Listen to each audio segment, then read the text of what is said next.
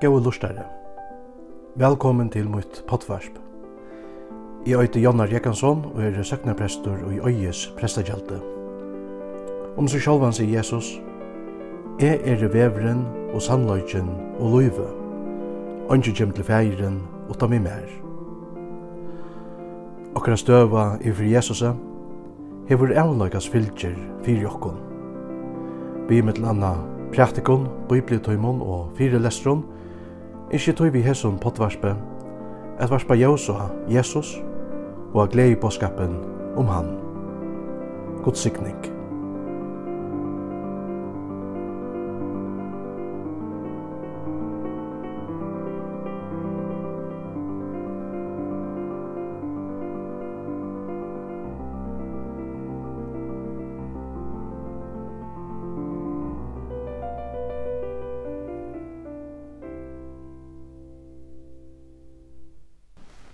Kvitusonna er jævl og påskjer og i nødtøy.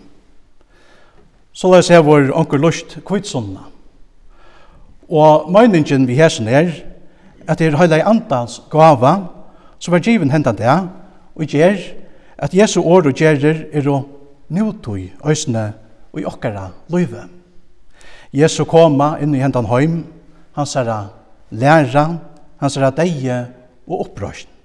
Det er alt ein livande veriløyge, òsne og i det, og i okkara løyve, vekna høyla i andans gav. Tøyre hentan kvitsonan ikkje bæra ein minningar hatui.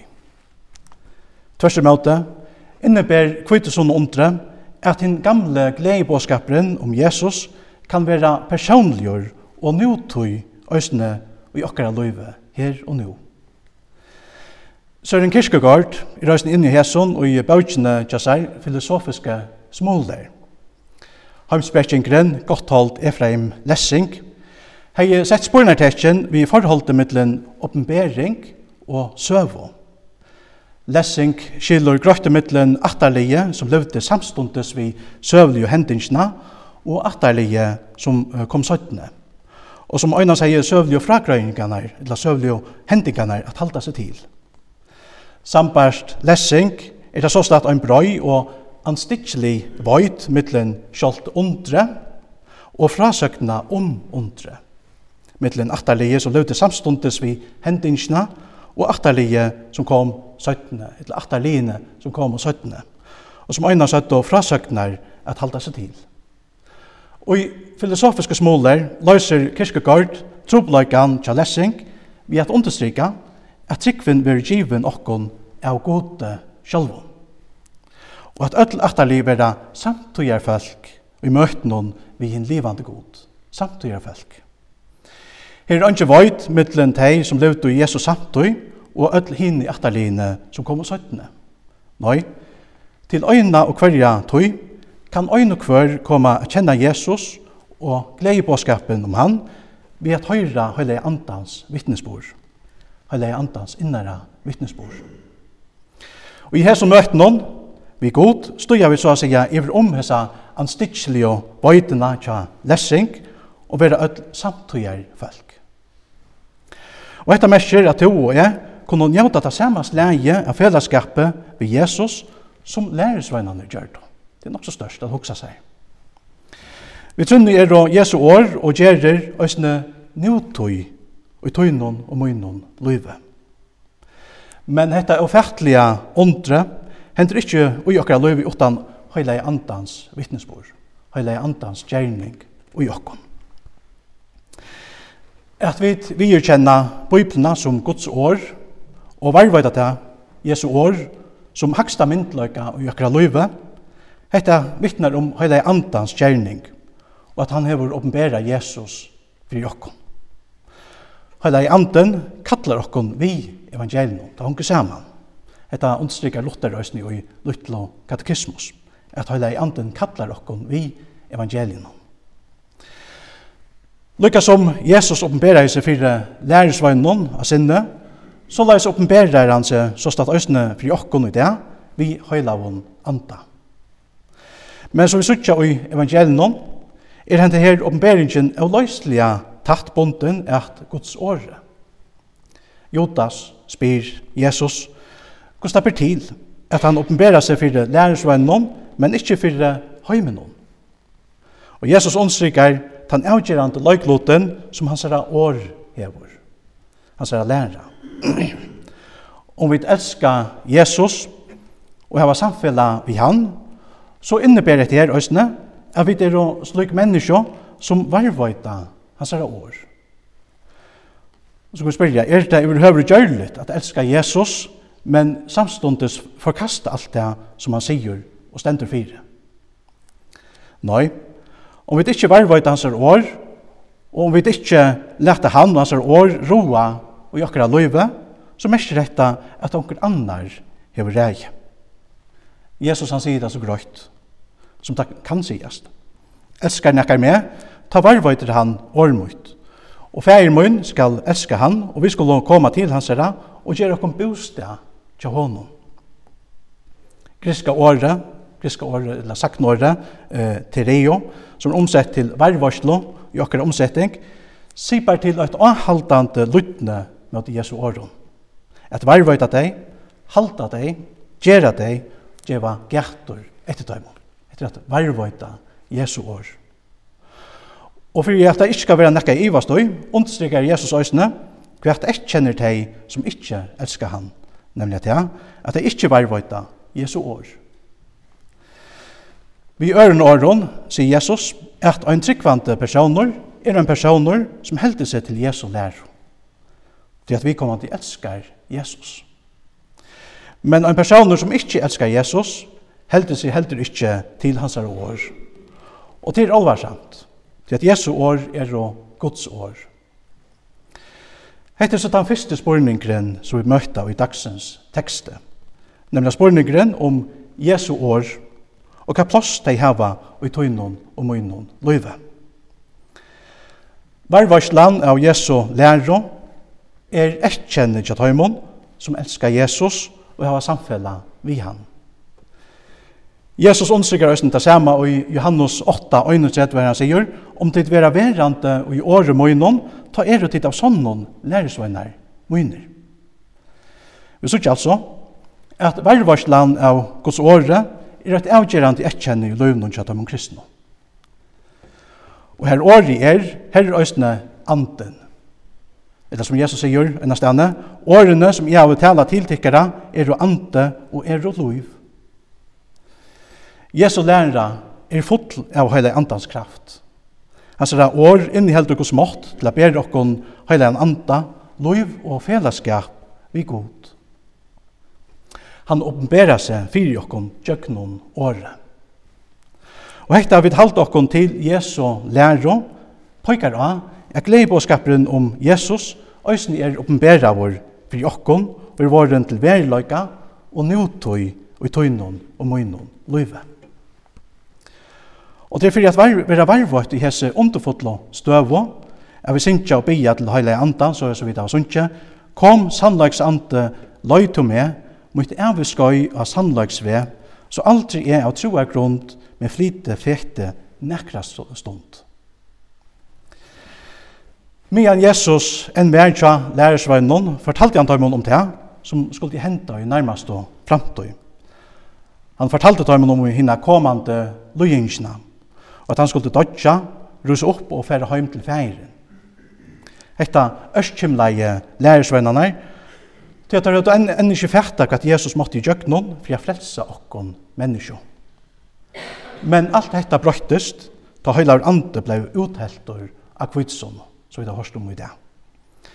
Jesus, han har nemlig sagt, vi lærersvennerne, men ta i han kjemur, sannløkans ande, ta skal han veløya tikkun til atlan sannløkans anden er okra veløyere.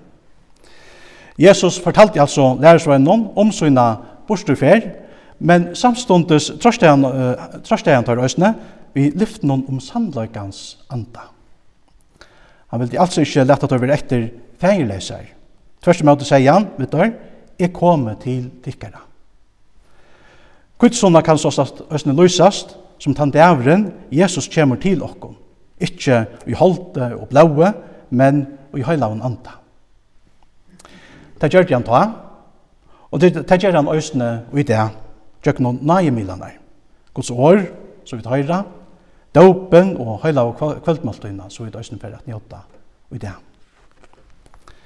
Nye milaner gjør kyrkjegongene og fætlige innholdsryka. Det her møter vi nemlig Jesus og få at han nøye og frelse som han har hever vunnet okkom. Så vidt jeg hørst, kallar Jesus heilige anda fyrir talsmannen, etla griskon parakletos. Og etter året sipar til ein som er båsendur, til at fylgja, hjelpa og verja en persone og i ratten hon. Og ta Jesus sier at han vil geva lærersvennen og en annan talsmann, så innebærer det her sjåan til øsne at han langt å heva en annan talsmann fram og undan, og til sjålvor Jesus. Jesus. Og i fyrsta Johannesabrevet er Jesus eisen lustur som okkara talsmæver tja gode. Mian Jesus enn vær tja lærersvennon, vær han altså tarra talsmæver, etla advokator som det eisen vil røpt. Og ein advokator er ein som talar fire teg, som ikkje kunne tala fyrir seg sjálvan. Det var ein talsmann at tala fyrir seg. Hetta var støvan tja lærersvennon, og hetta er eisen støvan tja okkon, Vi tar öll bruk fyrir talsmannen, at vi tar bruk fyrir Jesus. Då vi er jo öll syndare, og vi glættast og vi ikke hava en her advokaten at tala fyrir okko. Men hetta er nemlig at ja, så vidt øya og Jesus, og en advokat, og en talsmann, og en som teker okra søk, altså sjálvan, og talar fyrir okkon framme fyrir Guds domstolen. Og i Hebreerbrev nå leser vi da at Jesus alltid lever til at genga i forbøn for okkom. Stendur, alltid lever at genga i forbøn for okkom. Det er største hoksa seg. Jesus han gonger i forbøn for okkom, og i hese løtt. Og om man har hekta, jeg var Jesus trøsta rår til lærersvennerne, nå øysene til okkom i det. Jeg vil ikke lette at jeg kan være etter feierløyser. Nei, Han kemur òsne til okkon og fester bygg og i gjørston vi hinnom søytna tatsmannen vi heilaun anda. Som Jesu lærensveinar er vi så sagt ångantøy ønsamøll. Sjalt om vi kanskje kunne til tøy kjenne okkon ønsamøll, så er vi ångantøy ønsamøll. Jesus han er tja okkon og ui okkon vi heilaun anda. Og så kan vi spyrja hver gjerningren er tja heilaun anda. Jo, han pojkar av hinn fyrra talsmannen. Han pojkar av Jesus. Etter er det som Jesus sjálfur understrykar, han sier om høyla i andan, men talsmaveren, høyla i andan, som færen skal sende i munnen navne, han skal læra tikkun alt, og minna tikkun av alt som jeg har sagt tikkun. Høyla i andan pojkar av Jesus og hans herra år. Etter er det som Bogesh sier enn stande, her han, han sier, andas oppgava er at vittna om Jesus og gjera frelsarens mynd livande. Ta heilar andi hefur enn avviskan av okkom, ta er ursliti altså ikkje av vi sutja andan fyrir okkom, og i stegin er det Kristus mynd over vergjard livande. Andan kjenner vi altså fyrst og fremst gjøknum han gjerningen, som han gjer i okkara gjørston, ta han skapar trunna av Kristus, sier Bogers. Om man har løtt å føre ut av hjotta okra kristne trygg, her vet vi til anna jotta, og vi tryggva av høyleian anta. Men hvert mersker hekta vi tryggva av høyleian anta? Vi i til katekismus understrykker Luther hvert hekta mersker og sier med til anna, Jeg tryggva at jeg ikke av egnom viti eller måtte kan tryggva av Jesus Krist, Herra mun, eller koma til hans herra. Men det er hinn høyla anten som jeg vil kalla meg vi evangelium. Jeg vil lust meg vi gavens øynene, jeg vil halka meg, vi, jeg vil halka meg og hilde meg oppe og tar rødt og trunne. Lykka som han kallar, saunar, opplyser, halkar, alt til kristna kyrkjelige vi høymnon og heldet du oppe og Jesu Kristi vi tar i sonno øynast og trunne, sier Luther. Og betre kan det ikke sies alltid. Vi kommer først tryggva av Jesus, etla koma til Jesus og hans frelso utan heila i andans gjerning. Og i grunden er det god som sjalvor må koma til okkon, vi sunne frelso. Tog er det òsne at Jesus sier vi lærersvennerne, jeg vil ikke lette tikkun være etter fjernleiser, jeg kommer til tikkun. Hette det som vi har til halta i det. Kvitt og sånn og det, enda dagen som vi òsne kalla føyngar det, kyrkjene. Enda dagen greip god jo inn og brøytti alt fri okkon og fri allan heimen. Han kom til okkon vi heilaun anda og er nu lykka nær, tjater og mer som okkara egni andadrottor. Så han er ølja nær. Og hette er sannlega godt at vita. Jesus er ikkje bortestadur. Nei, han er nærre enn vi nekrantui kunne fætta.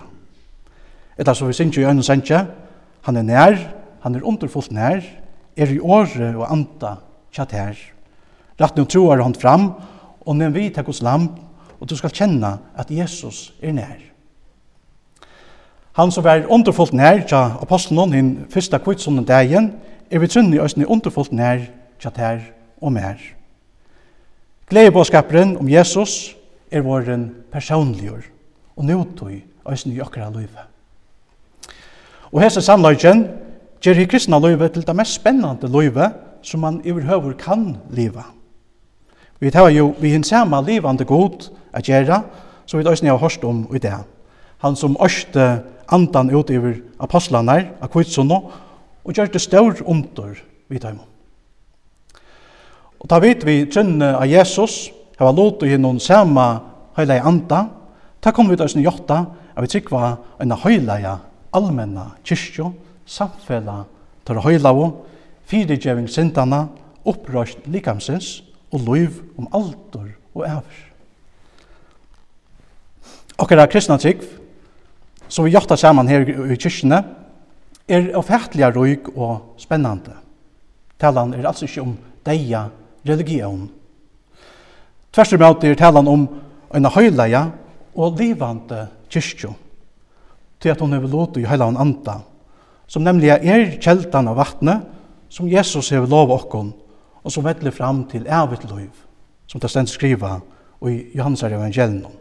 Her Jesus sier, men han som drekker av til vattnet, som jeg vil gjøre honom, skal om jeg ever ikke tista, men vattnet som jeg vil gjøre honom, skal være ui honom en kjelda av vattnet som vettler fram til evigt liv. Høylaur ante er til vattnet, som kørsta øynasta menneska og hesen høyme hefur bruk fyrir a drekka. Til hekta er det øynasta vatne som kan sløtja tostan innan ujakom etter løyve og møyning og gjerra jævl og postjer til nøytøy øysene i okkara løyve. Tøy hugsa jeg, at det er passande at enda seg i praktikna, vi bønene så vi tverra sinja men han og etter apostolsko sikningsna. Antana ante, stod nu fra til hua. Tu som vi fægir og sine er god. Kom vare saler nu atlar a grua. Himmelsens broer du byggva skalt ut. Høyta og sauna, gos åre uttøya. Bytja gos kyrkjo og blysa hans tjau. Ta er tun gjerningur, oss skal du voia. Gjørstum ber på at Guds miskunn er gau.